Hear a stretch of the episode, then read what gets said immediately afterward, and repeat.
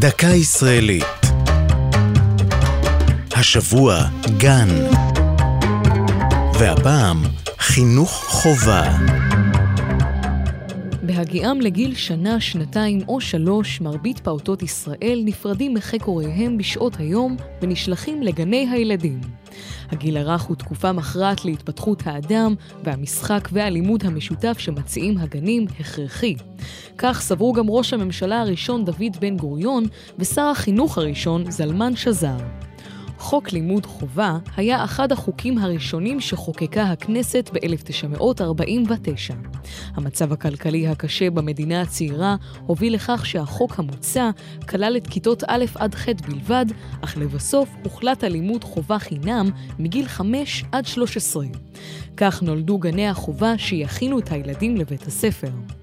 רק ב-1984 הוכנסו תחת מטריית חוק חינוך חובה חינם גם בני השלוש והארבע.